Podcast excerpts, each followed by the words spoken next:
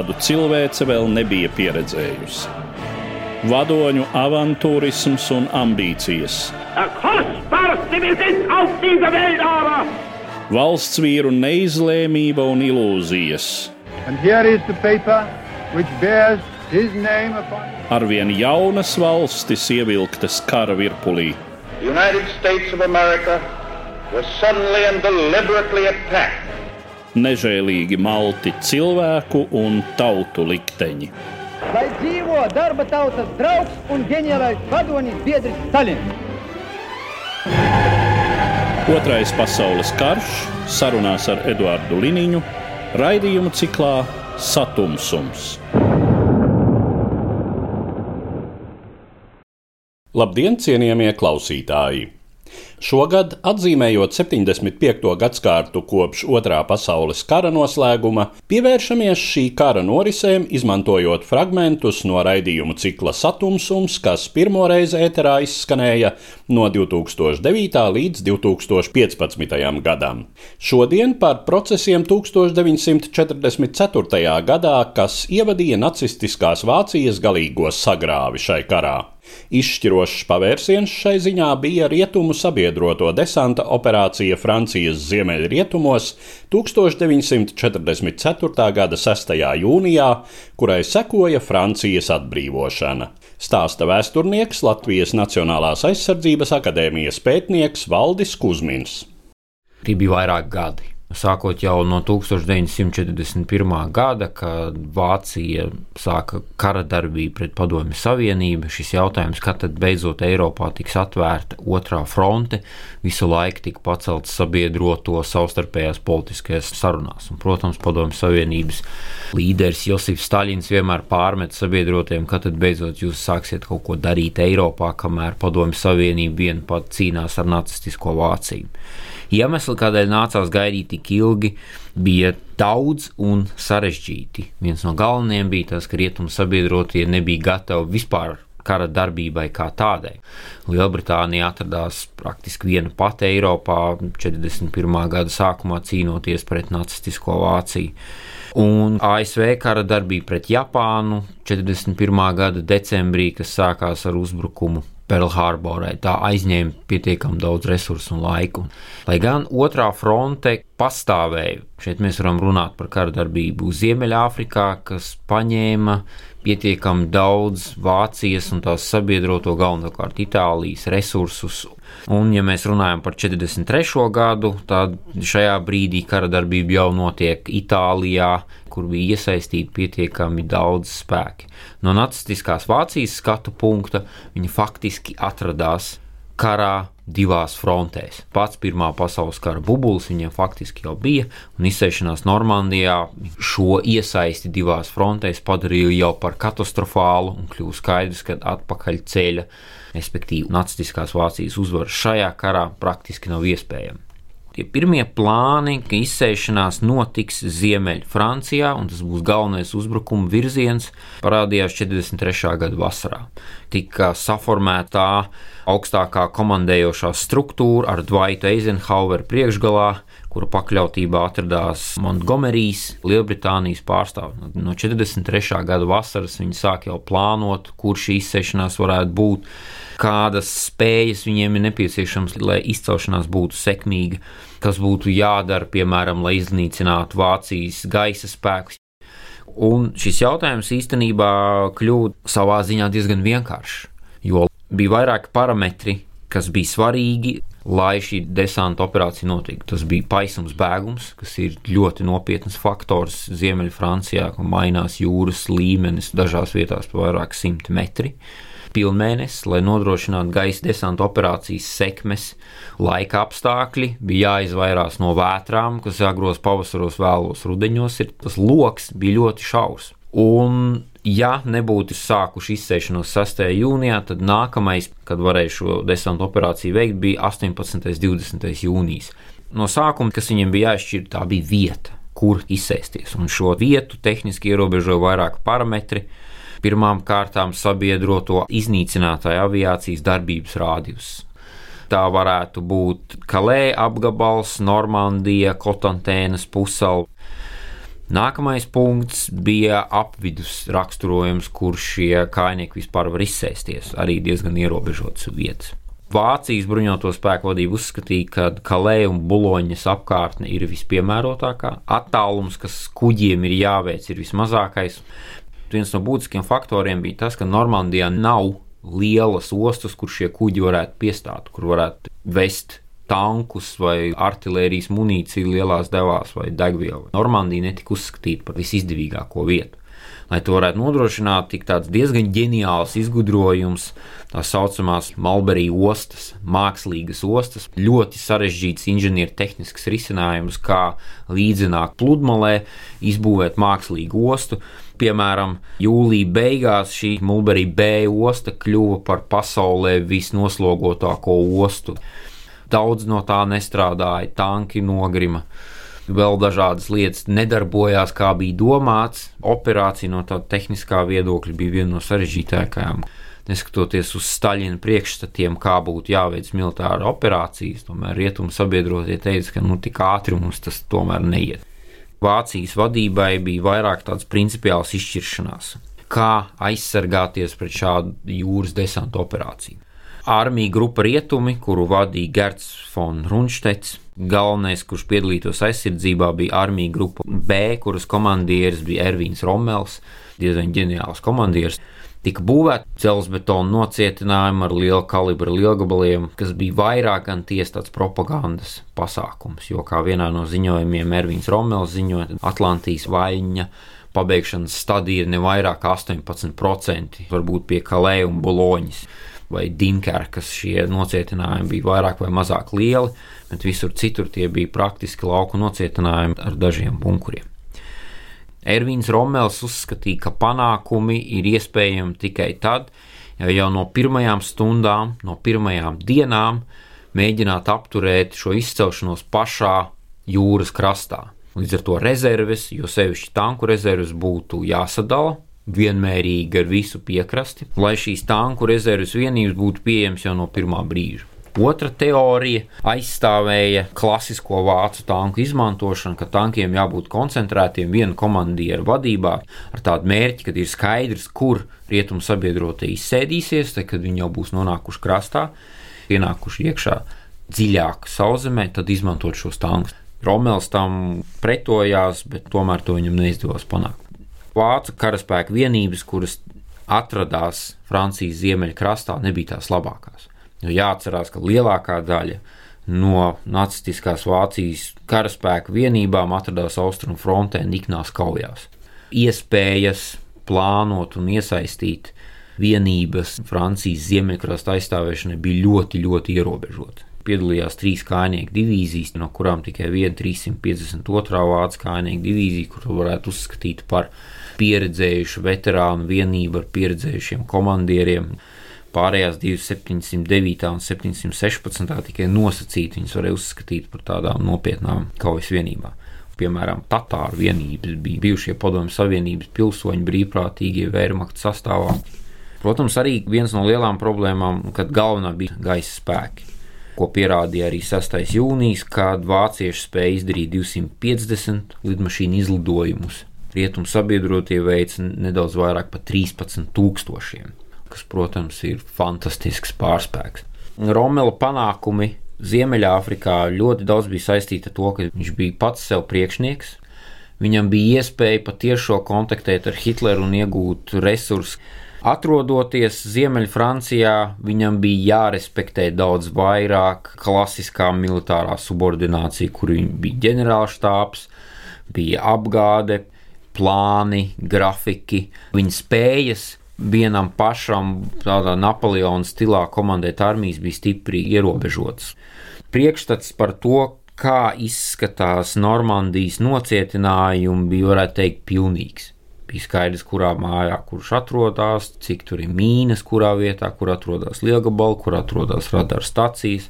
Šīs radara stacijas tika iznīcinātas, Gaisa desants, kur jau sāk izsēsties pulkstens vienos, ļoti agrā 6. jūnija rītā, jau bija zināms, kur viņi izsēdīsies, kāpēc un kā to darīt. Šī informācijas vākšana, tas bija galvenais franču pretošanās kustības devums sekmīgai operācijas īstenošanai.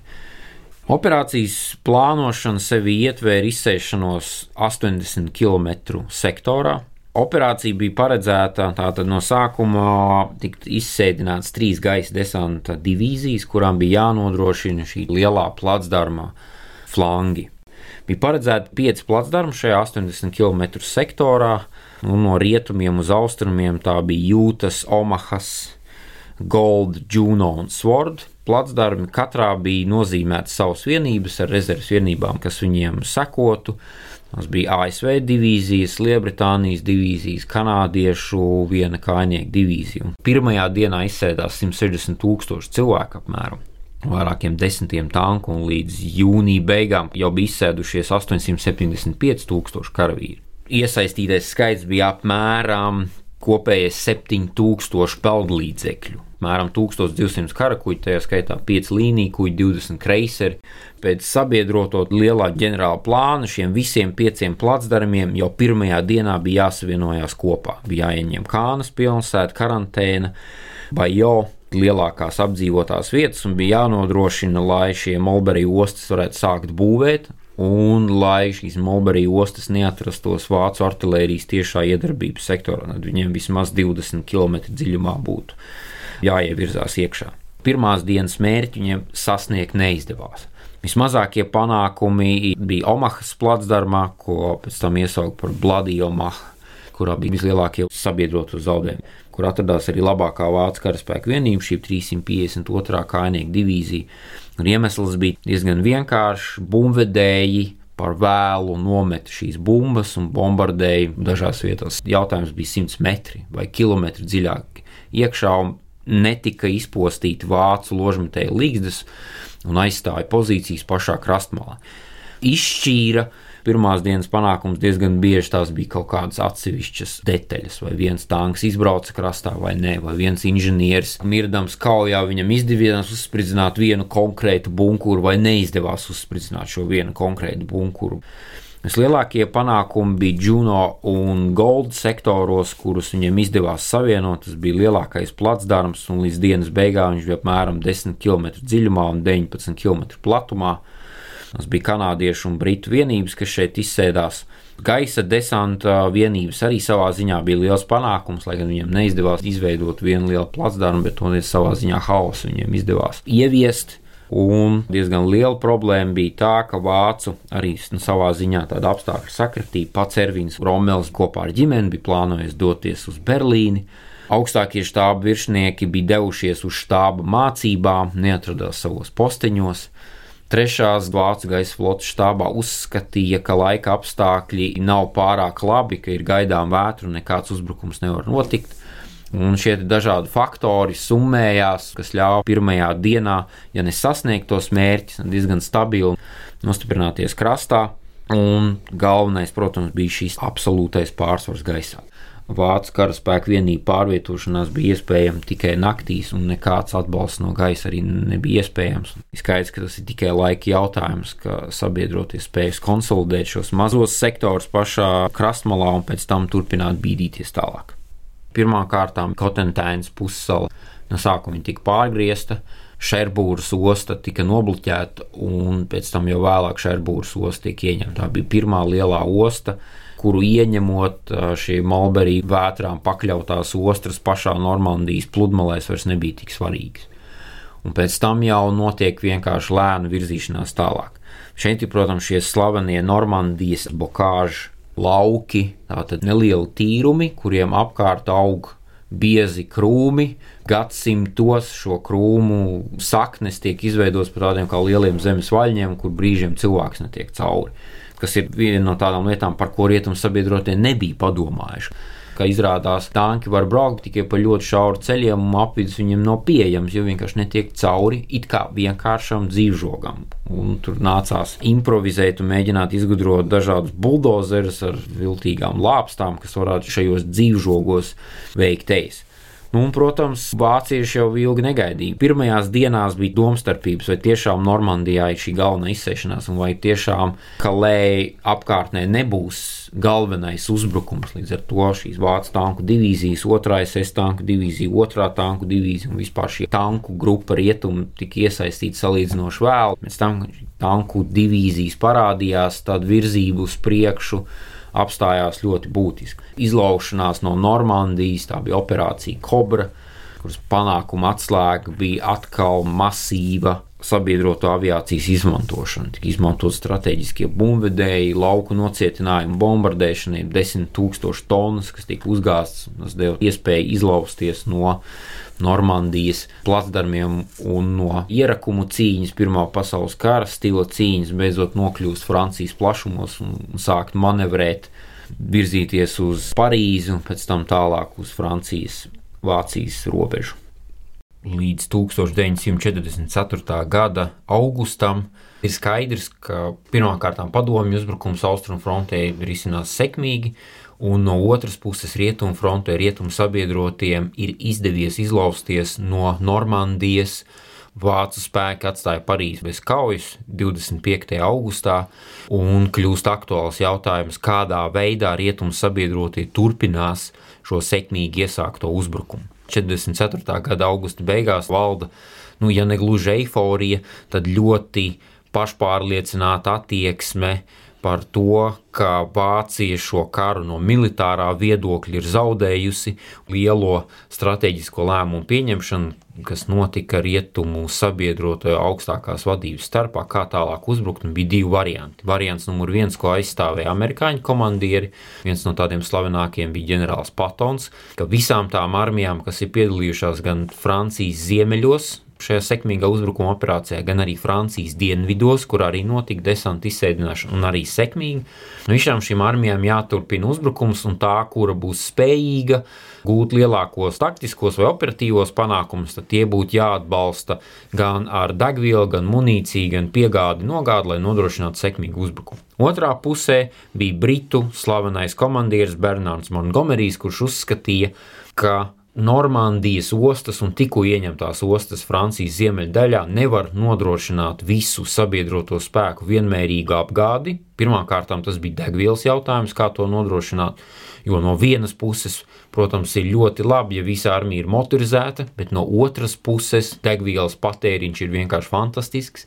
Montgomery viedoklis bija tāds, ka jāatbalsta šaurā sektorā atsevišķas armijas. Protams, viņš uzstāja, ka atbalstām armija tieši viņa pakļautībā esošā, un pārējām armijas jāatstāj iztikas minimumu, kas nodrošinātu viņu negluži uzbrukumu, bet ne pārāk ātru virzīšanos uz priekšu. Stratēģisko lēmumu diskusiju rezultāts bija operācija Market Garden.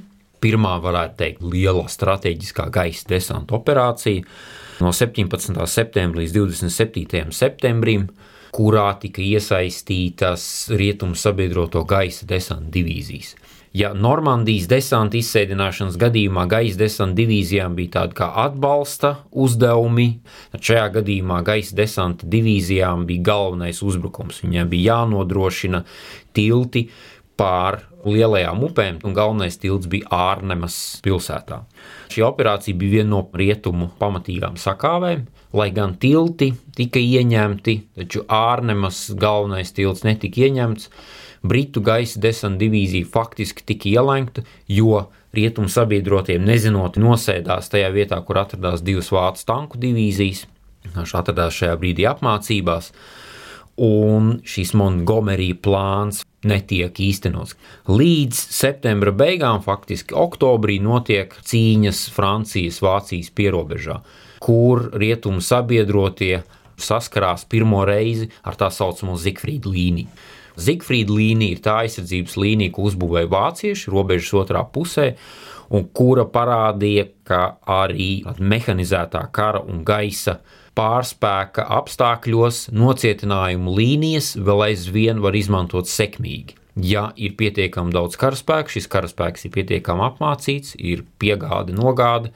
Šī Zigfrīda līnija izrādījās bija pietiekami liels šķērslis, lai kļūtu skaidrs, ka ziema būs jāpavada Francijas austrumos, un ka turpmākie uzbrukumi būs jāplāno jau 1945. gada pavasarī, pēc tam, kad rietumu sabiedrotie būs nodrošinājuši savu aizmuguri gan degvielas piegādē, gan visu iesaistīto karaspēku vienību pārbūvē, apmācīšanā un nodrošināšanā.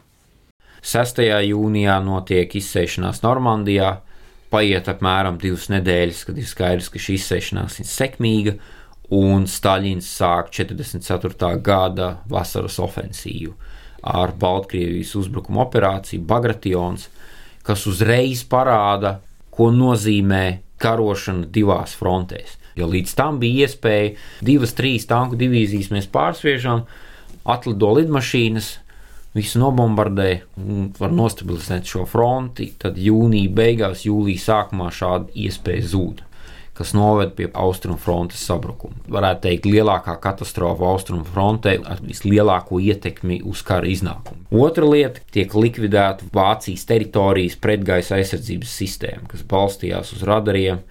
Līdz Normandijas operācijai radari vācu rīcībā ļāva konstatēt bumbuļvedēju pacelšanos, kā viņi paceļās zināmā augstumā no saviem lidlokiem Lielbritānijas teritorijā, viņi jau redz, kur viņi paceļās, kur viņi lidos. Šie radari tiek zaudēti, līdz ar to bumbuļvedēji jau var veikt uzlidojumus Vācijā pilnīgi netraucēti, vai šis brīdinājums nāk pa vēlu. Otra lieta, ka vācu gaisa spēki praktiski tiek iznīcināti virs Normandijas. Normandijas operācijas rezultātā 44. gada vasarā praktiski pārtrūkst vācu sintētiskās degvielas ražošana kur lielākoties vairāk kā 90% izmantoja vācu gaisa spēki. Vācu gaisa spēki ir spiest samazināt lidojumu skaitu.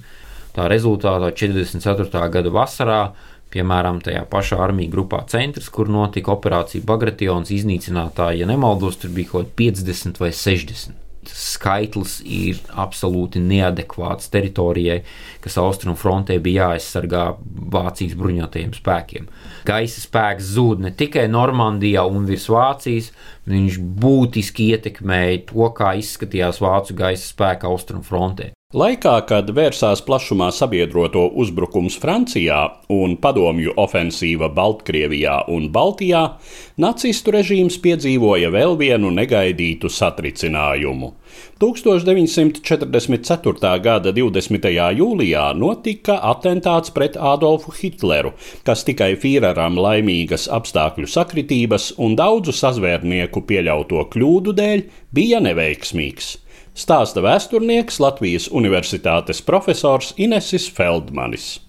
Atentātu īstenoja pulkvedis Klaus Šenks von Stauffenbergs. Sazarnieki tiešām bija ļoti tuvu nogalināšanai, bet Hitleram atkal neticami palaimējās, un šis Stauffenberga atentāts ir iegājis vēsturē kā nozīmīgākais e, militārās pretošanās pasākums un kā nozīmīgākais valsts apvērsuma mēģinājums nacionālsociālisma laikā.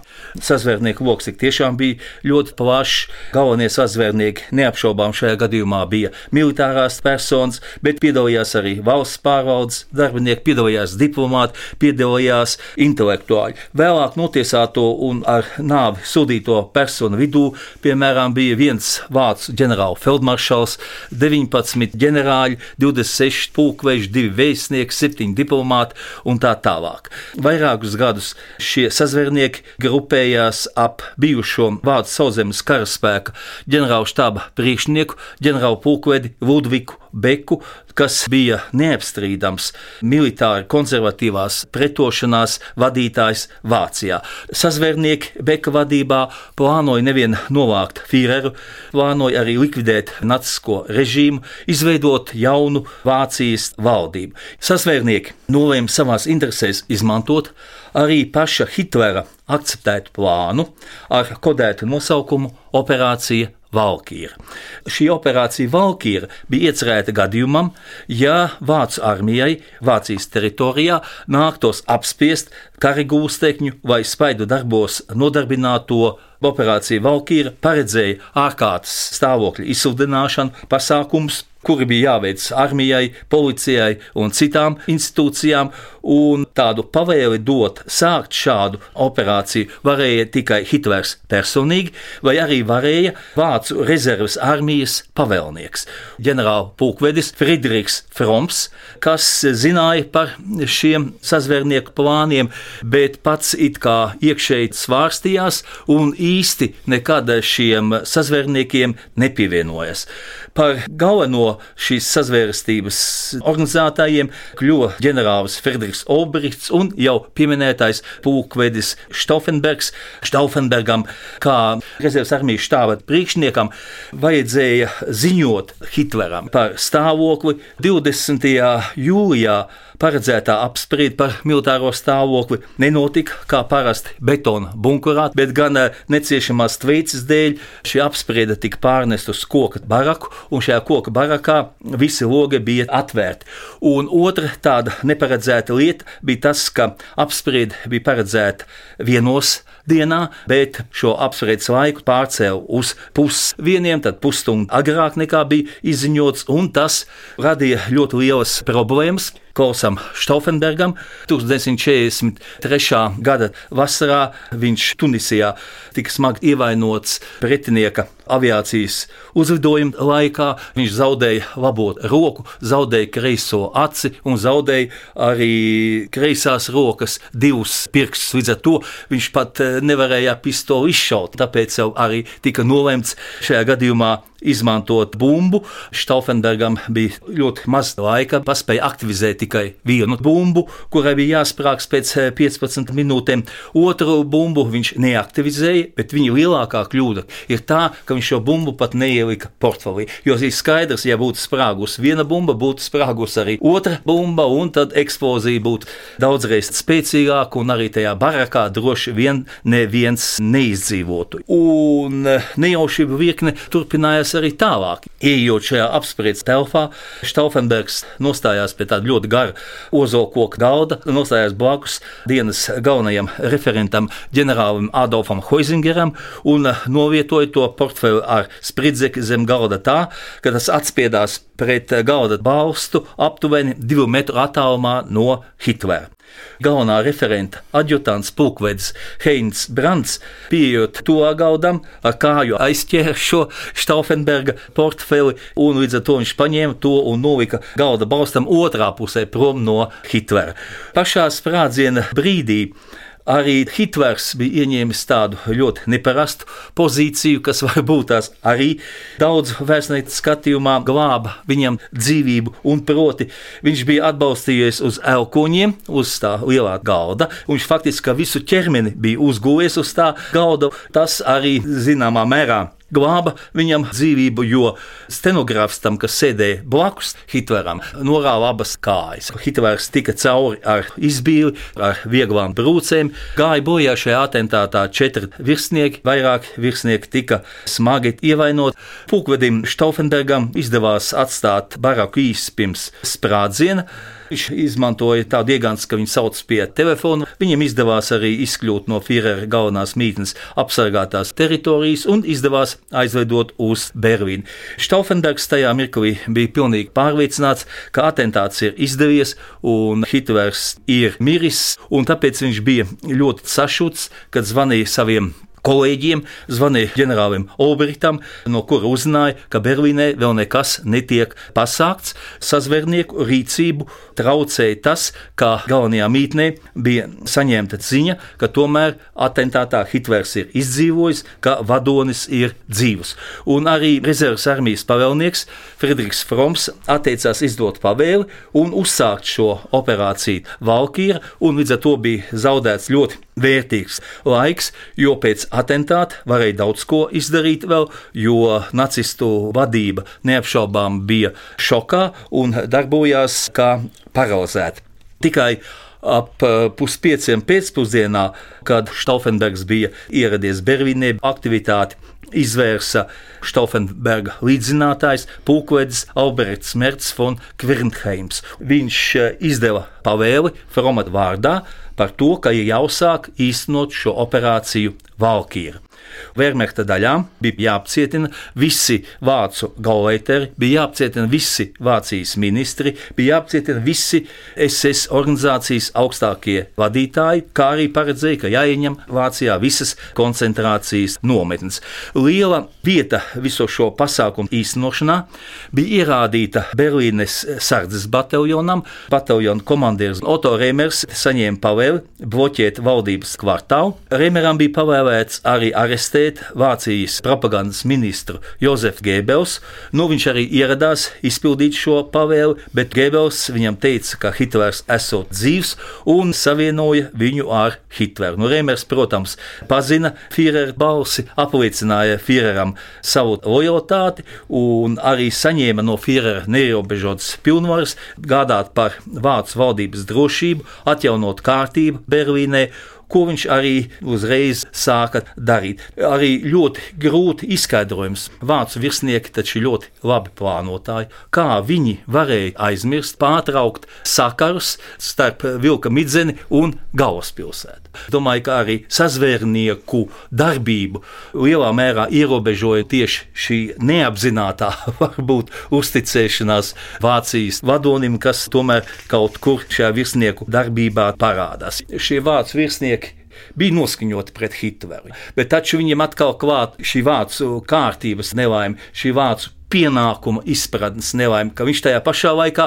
arī gribēja godīgi pildīt savus pienākumus. Jūs, tā ir tāda iekšēja pretruna, kuru ļoti daudzi sazvērnieki nu, gluži vienkārši nevarēja pārvarēt, un tā arī nospēlēja šeit sliktu lomu, ja mēs runājam par sazvērstības neizdošanos. Līdz ar to izskan mūsu raidījums, kurā pievērsāmies Otrā pasaules kara norisēm 1944. gada vasarā. Raidījumā dzirdējāt vēsturniekus Latvijas Universitātes profesoru Inesi Feldmani un Latvijas Nacionālās aizsardzības akadēmijas pētnieku Valdi Kusminu. Uz redzēšanos, cienījamie klausītāji! Raidījumā šīs dienas acīm cikls Satumsums - sarunas par Otro pasaules karu.